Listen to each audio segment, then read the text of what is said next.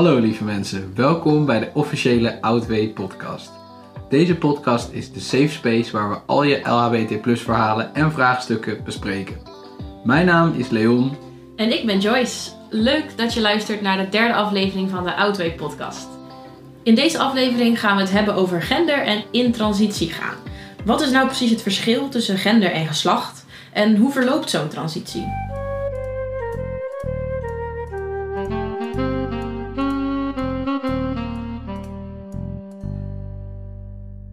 Gelukkig hebben we om dit onderwerp te behandelen onze ervaringsdeskundige Leon in de podcast.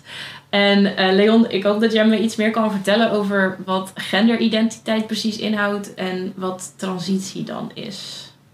Uh, ja, genderidentiteit is namelijk hoe je je voelt zeg maar, in je hoofd. Dus welk geslacht ja, je prettig bij voelt.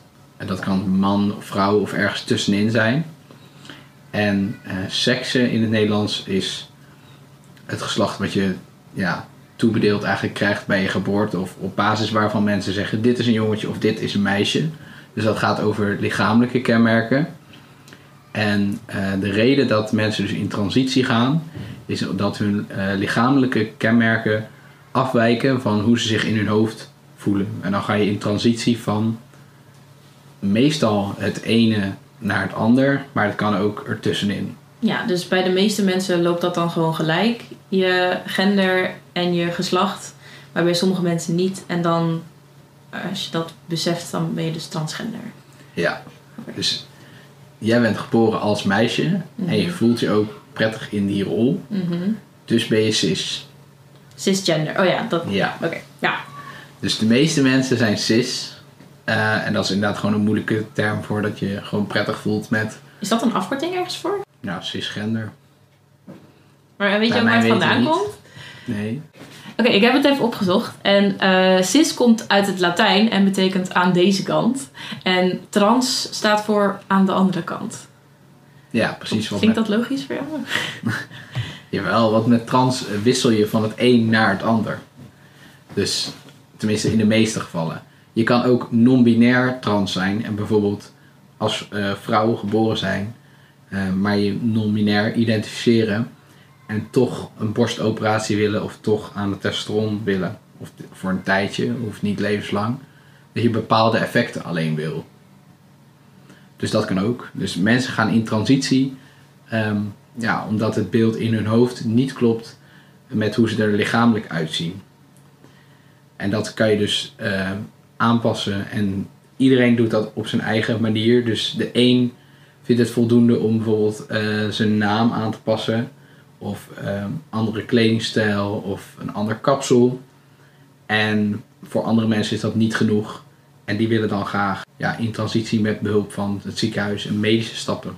Hm. Ja, dat gaat ook vaak best wel in fases, denk ik. Lijkt me. Dat je niet in één keer beslist van... Oké, eh, ik ben dit, ik wil nu meteen operatie en zo. Ik neem aan dat daar heel veel tijd aan vooraf gaat. Dat je eerst eens gaat proberen om je kledingstijl te veranderen. Of dan een andere naam of zoiets. Ja, nou dat is dus voor iedereen verschillend. Ik zal dan wel vanuit mijn ervaring vertellen. Dus dat is niet hoe het bij iedereen gaat. Maar eh, ja, in mijn geval ben ik qua kledingstijl eigenlijk niet echt veranderd.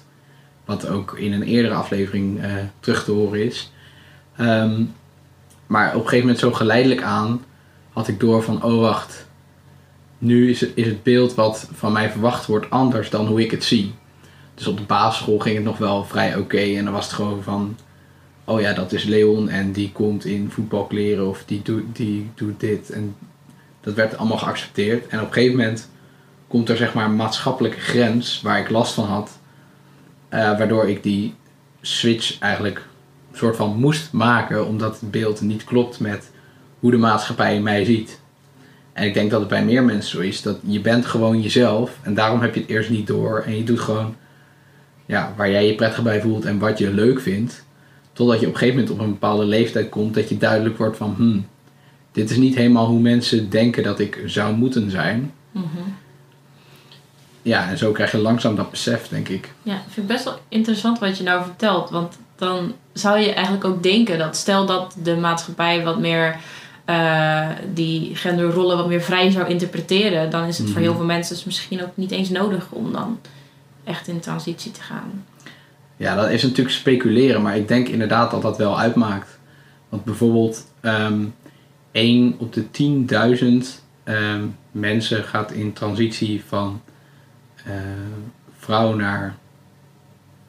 van man naar vrouw. Mhm. En 1 op de 30.000 van vrouw naar man. Dus dat zijn er aanzienlijk minder. Oh. Uh, en ik denk inderdaad dat dat ermee te maken heeft dat het bijvoorbeeld voor vrouwen maatschappelijk gezien meer geaccepteerd is om een broek te dragen of om wat meer Ja, mannelijke dingen waar. te je, doen. je wordt dan gewoon als een soort van tomboy neergezet. En het mag allemaal. Je bent gewoon zeg maar een beetje een... niet een meisjesmeisje. En dat, dat mag allemaal. Maar als Ja. je als man zijnde make-up gaat dragen... dan val je meteen op. Ja, ik denk dat het daarmee te maken heeft. Dat is natuurlijk ja, speculatie. Er zal vast onderzoek naar gedaan zijn of dat nou, misschien een deel van de verklaring is. Niet helemaal waarschijnlijk. Maar daar is inderdaad een onderscheid in. En ik, ja, vanaf het punt dat de maatschappij denkt... eh, dit vinden wij niet passen... dan moet je inderdaad voor jezelf nadenken wat je wil. Want het is eh, jouw transitie en niet die van iemand anders. Dus bijvoorbeeld sommigen eh, willen heel graag wel bijvoorbeeld een geslachtsveranderende operatie, omdat dat voor hunzelf het beeld compleet maakt. Ja. En dat is prima, want dan is het voor jou, omdat jij je er prettig bij voelt. Maar het is natuurlijk niet zo dat je bijvoorbeeld alleen man bent als je een penis hebt, bijvoorbeeld. Mhm. Dus dat is het beeld van de maatschappij. En als je daardoor het idee hebt dat je die geslachtsveranderende operatie moet ondergaan, dan is er iets mis. Ja, hoe kom je er nou achter waar je intenties dan liggen? Ja, dat is dus waar het vuur je bij helpt om daar goed over na te denken. Dus als jij op een gegeven moment het idee hebt van, nou, ik ben transgender of ik, nou, ik twijfel daarover, dan zou ik altijd aanraden, meld je gelijk aan bij het VU. En zeker nu of bij een andere zorginstelling, bijvoorbeeld en nou, het VU, dat zeg ik dan nu, maar dit is eigenlijk ehm, samengevoegd met het AMC en daarom heet het nu het Amsterdam UMC. Dus dat is in Amsterdam de locatie. In Nijmegen heb je het eh Radboud ziekenhuis. En eventueel los heb je ook nog bijvoorbeeld Stepwork, wat vrij eh, bekend is. Of eh, losse psychologen die gespecialiseerd zijn in genderdysforie. En daar zou je dan ehm, heen kunnen. En genderdysforie is dan de term voor als je niet zeker weet of je, of als je zeg maar transgender bent. Wat, wat is daar de juiste uitleg voor? Goeie vraag. Genderdysforie is het gevoel ongelukkig te zijn met je geboortegeslacht. Oké, dat is wel duidelijk dan, Dus, ja. ja, dat is vrij breed, gelukkig.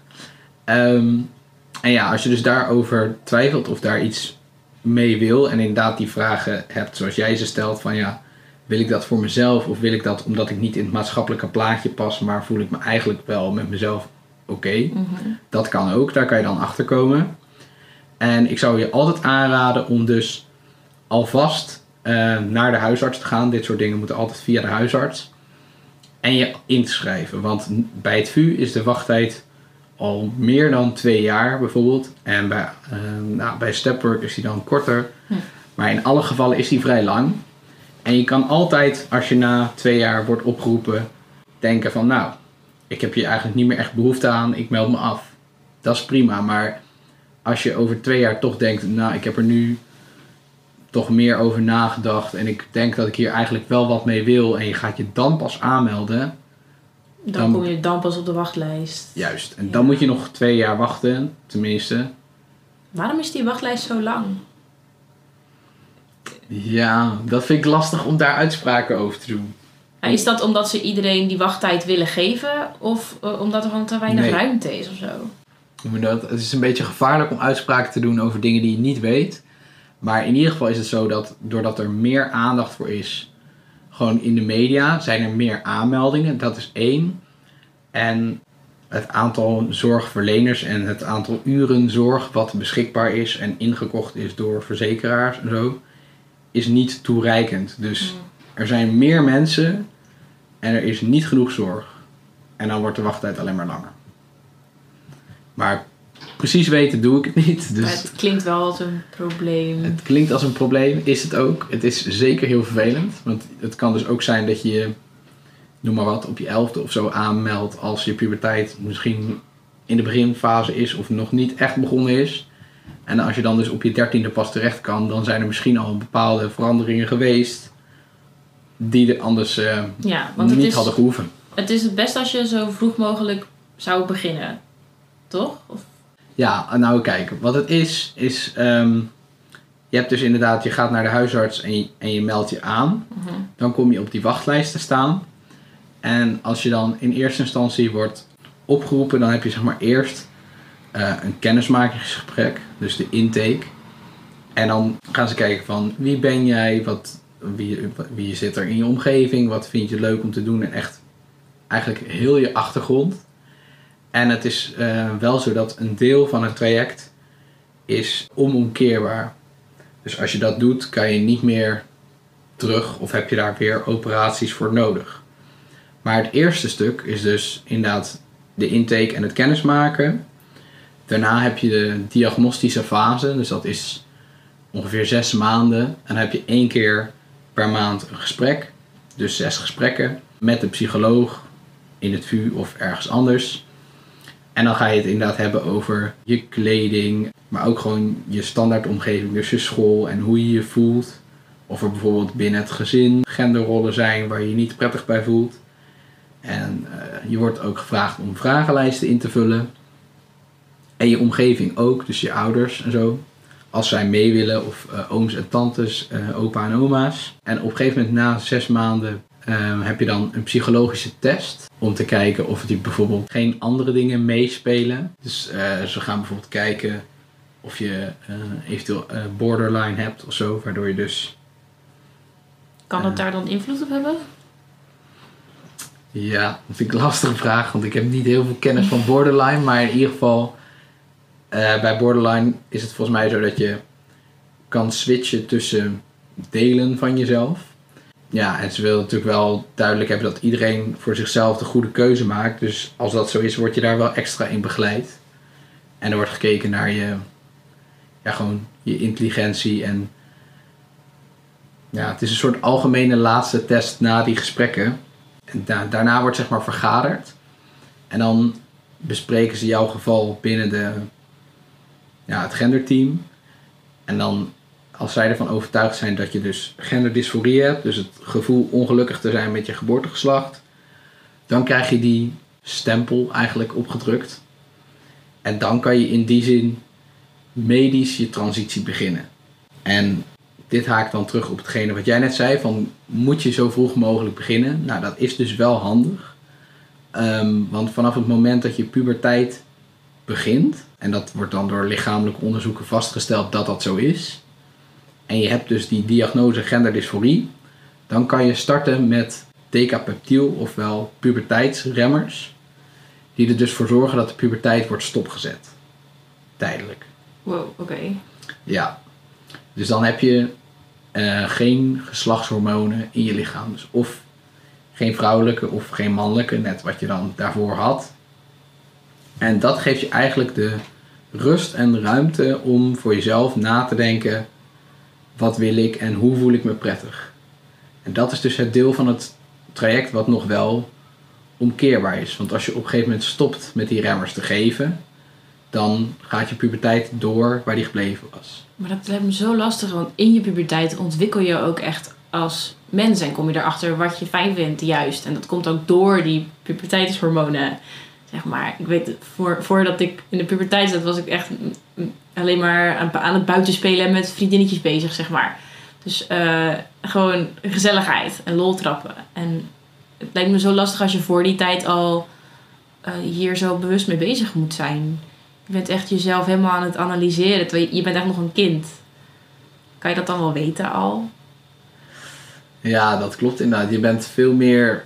Ja, in mijn idee is het zo dat je toch sneller opgroeit zonder dat je dat zelf eigenlijk per se wil, omdat je verplicht wordt om erover na te denken. Maar op zich heb je vrij lang de tijd. Want bij mijn weten kan je ongeveer vier jaar puberteitsremmers gebruiken. En ze adviseren dat niet om het nog langer te doen omdat uh, op het moment dat je die puberteitsremmer dus gebruikt, heb je of geen mannelijke of geen vrouwelijke geslachtshormonen. Dus überhaupt niet.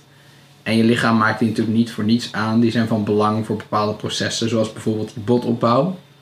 Dus het is ook bekend ehm, dat als je aan die puberteitsremmers zit, dat je botopbouw minder wordt. Pakt dat dan later wel weer op of mis je dan echt een stuk van die lichamelijke ontwikkeling? Nee, in, het me- in de meeste gevallen als je daarna met cross-sex-hormonen begint, dus dat betekent de hormonen van het andere geslacht, of als Mhm. je toch bepaalt niet in transitie te gaan, dan stop je de puberteitsremmers en dan zijn je eigen hormonen weer actief, dan gaat je lichaam dat weer oppakken. Maar het is dus niet een goed idee om voor een langere tijd die, ja, om geen geslachtshormonen te hebben.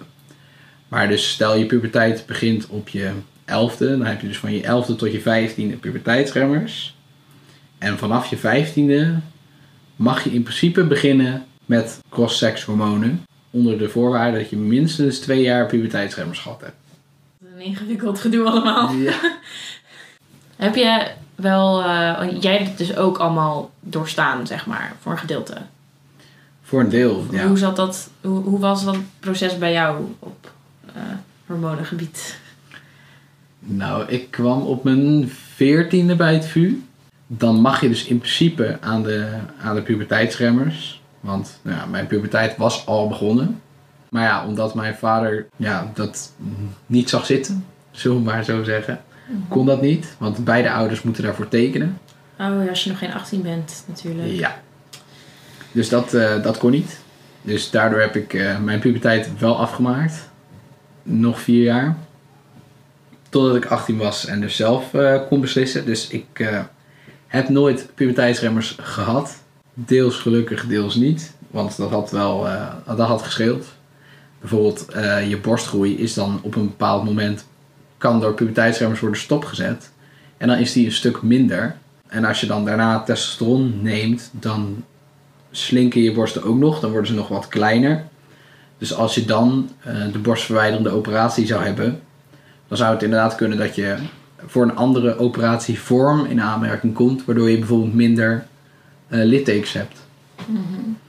Dus dat vind ik in die zin wel jammer. Maar aan de andere kant, ja, het loopt hoe het loopt. En dit is mijn verhaal. Ja.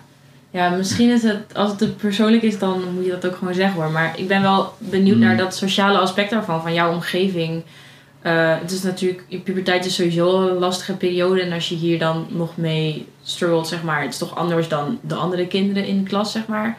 Ehm, eh, heb je dan, heb je wel goede begeleiding daarin gehad? Nou, ik heb vanuit het vuur daar wel echt hele goede begeleidingen gehad.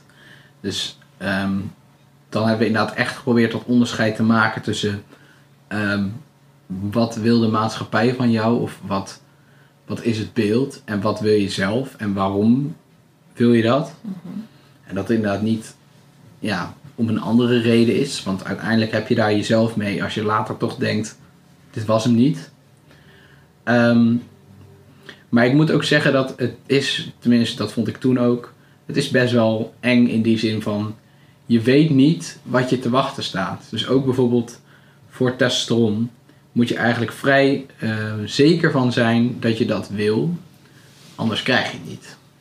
Maar hoe kan je nou er zeker van zijn dat je iets wil en dat je er geen spijt van gaat krijgen als je iets gaat doen wat je nog nooit gedaan hebt?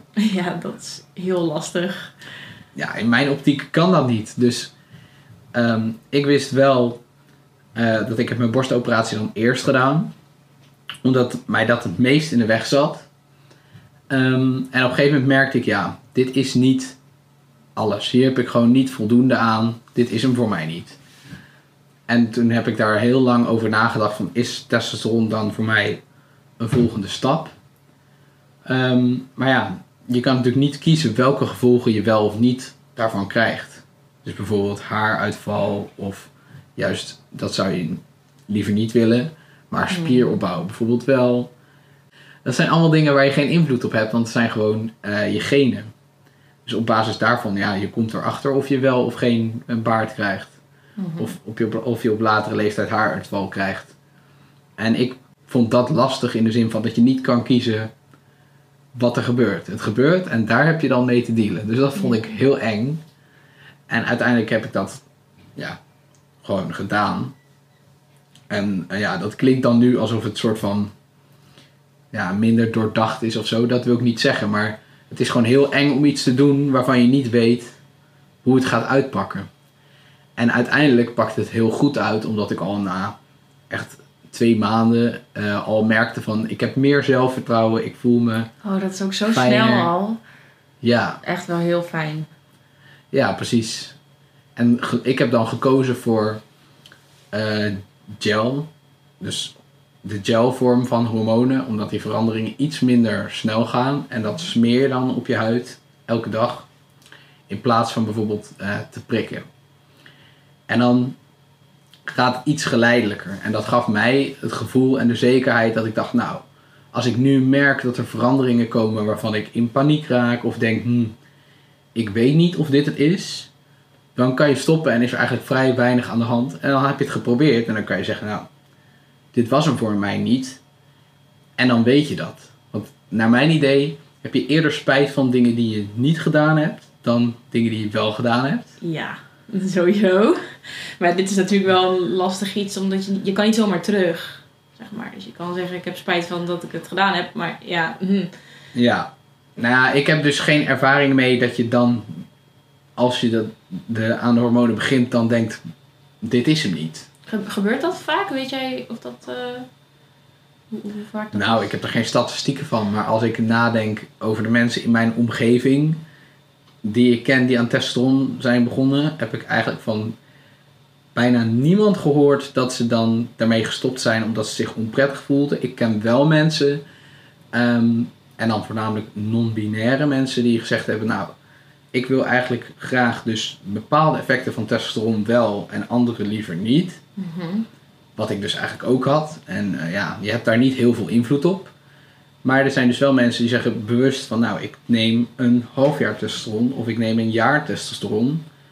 En daarna stop ik. En een deel van de effecten veranderen dan terug. En een deel blijft. En dan heb je dus Hmm, op die manier. sommige effecten wel en andere niet. En dan kom je er meer tussenin te zitten, wat voor hen prettig voelt. En als je, bijvoorbeeld in mijn geval dan trans man bent, dan is eigenlijk de bedoeling dat je dus levenslang die testosteron blijft nemen, omdat je lichaam dat nodig heeft voor bepaalde processen.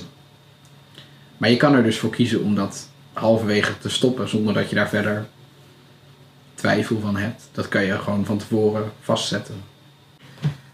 Ja, we hebben het nu best wel veel gehad over de medische transitie. Dus hoe dat zit, weet ik nu ongeveer. Natuurlijk zit, komt daar veel meer bij kijken dan wat we allemaal hebben kunnen bespreken. Maar ik denk dat we de basis wel best wel hebben gecoverd.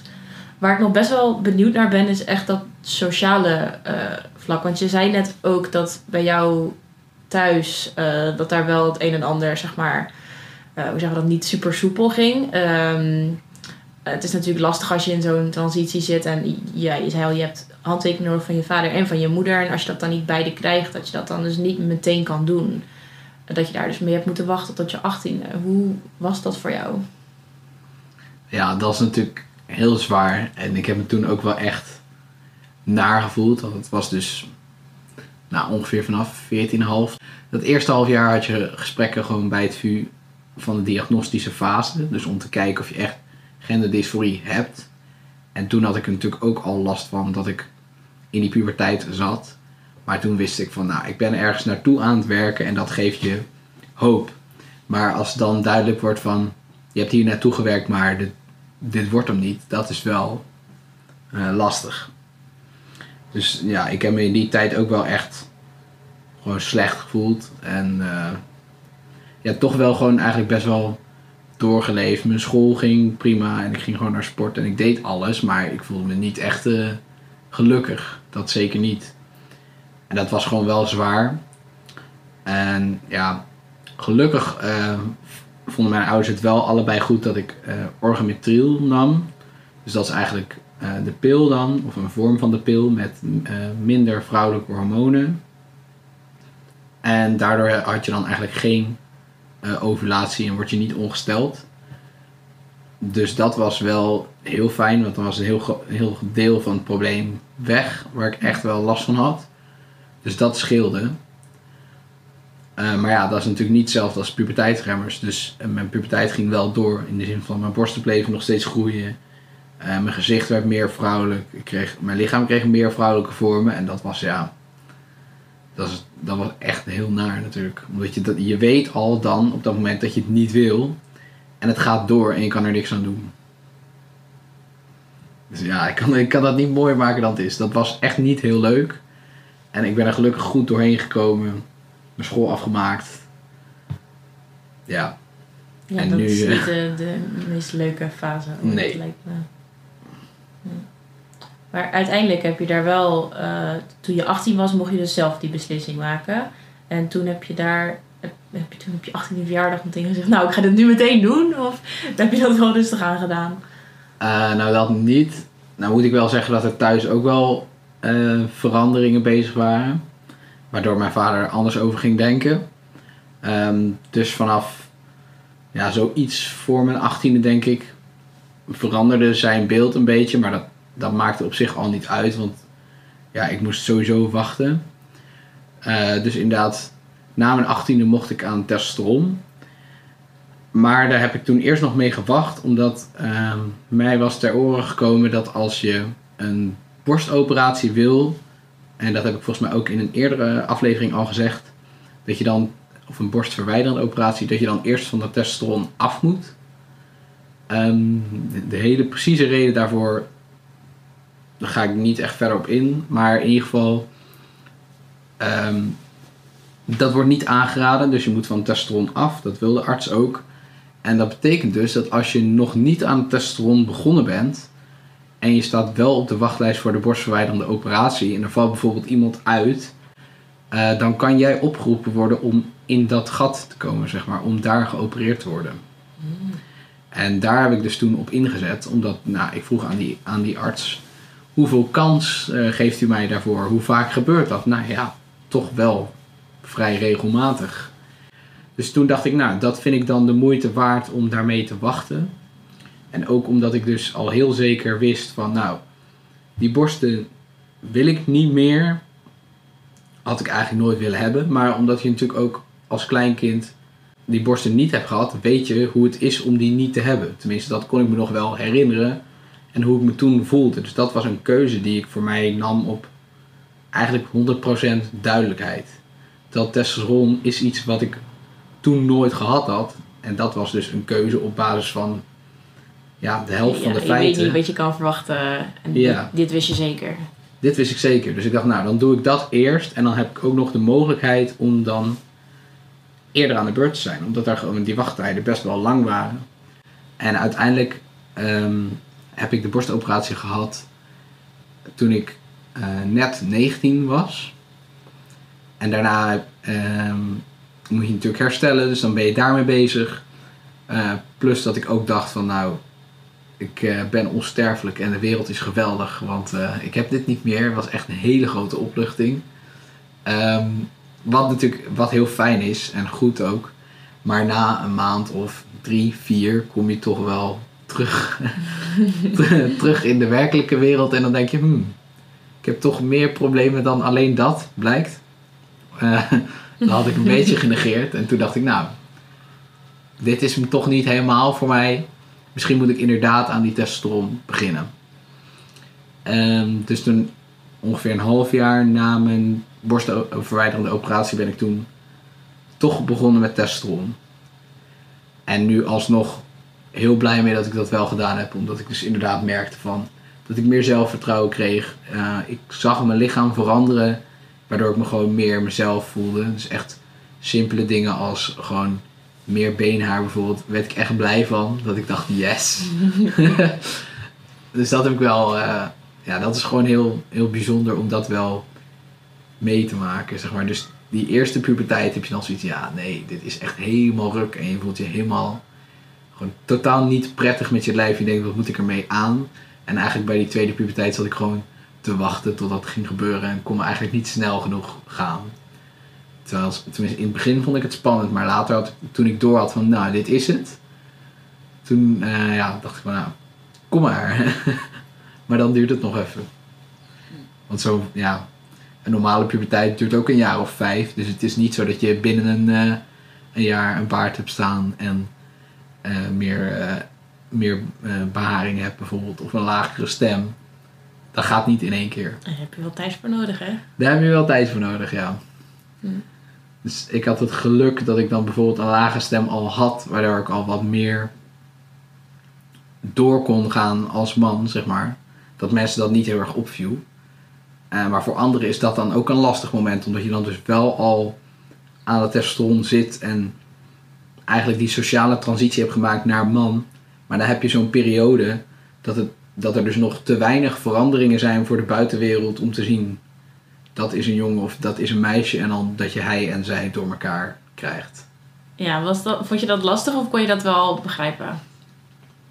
Nou, in het begin begreep ik het heel goed, omdat, het, omdat je er echt nou, het gewoon wel tussenin zit en van beide kenmerken hebt. En dan snap ik dat dat lastig is. Ehm, maar op een gegeven moment verloor ik mijn geduld en begon het me wel te lang te duren. En dat geldt, of dat gold zowel voor mensen om me heen als bij mijn werk bijvoorbeeld. Dus ja, ik werkte dan in een supermarkt en dan was het wel eens mevrouw, kunt u dit en kunt u dat? En dacht ik, nou, ik kan erg weinig op dit moment als je me zo aanspreekt. maar dat gaat natuurlijk niet, want dat zijn klanten. Dus dat, ehm, Ja, je moet dan heel netjes blijven, Ja. maar eigenlijk denk je... mm, van binnen hou was ik erg boos, ja. Ja. Maar gelukkig eh, gaat ook die fase wel met, ik denk, ja, het verschil per persoon, maar ik denk met een half jaar tot een jaar ben je daarvan af. Dus er is eh, licht aan het einde van Ja, dat eigenlijk wel. En ik denk ook dat eh, als je omgeving ziet hoe jij verandert door je transitie en gewoon blijer bent en misschien spraakzamer of ja, gewoon meer beleefd eigenlijk, dat ze dan ook snappen hoe het voor jou is en dat daardoor het begrip misschien verandert. Dat ze denken, oh ja, ik dacht er eerst zo over, maar nu ik toch zie hoe gelukkig mijn kind of broer of zus ehm, wordt, dat, dat ik wel zie van dat dit de goede weg is. Wat fijn dat je je nu zo prettig voelt met jezelf en zo eh, begrepen wordt door je omgeving. Ik vind het eh, heel mooi om te horen en ik denk ook dat eh, andere mensen hier zeker wat aan kunnen hebben die aan het begin staan van een transitie of die het misschien nog niet zo goed weten. Als je nou luistert en je valt in die doelgroep, ga dan zeker eventjes naar de website van Outway. Eh, je kan je voor heel veel eh, leuke activiteiten aanmelden waar je ook echt heel veel van kan leren op- over dit onderwerp. Dus ja, kijk, kijk daar zeker eventjes rond. We hebben ook buddies die je ook nog kunnen helpen met jou. eh jij bent ook buddy toch, Leon? Dat klopt, ja. Ah, dus je kan zelfs bij Leon terecht als je meer wil weten hierover. Of als je iets herkent in zijn verhaal waar je het graag even over zou willen hebben. Dan kan je je eh, voor het buddy traject aanmelden. Gewoon via de website outway.nl Eh, Ja, tot zover deze aflevering van de Outway podcast. Hopelijk hebben jullie weer genoten van onze warme stemmen en persoonlijke ervaringen. Heb je zelf een idee voor de podcast of heb je een vraag die je graag aan ons zou willen stellen? Eh, we hebben nu een eigen mailadres en daar kan je ons op mailen. Dat zouden we heel leuk vinden. En dat mailadres is podcast.outway.nl. Volg ons ook meteen even op Instagram of Facebook. Eh, op beide zijn we te vinden als Stichting Outway. En dan zien we jullie de volgende keer weer. Doeg! Doei!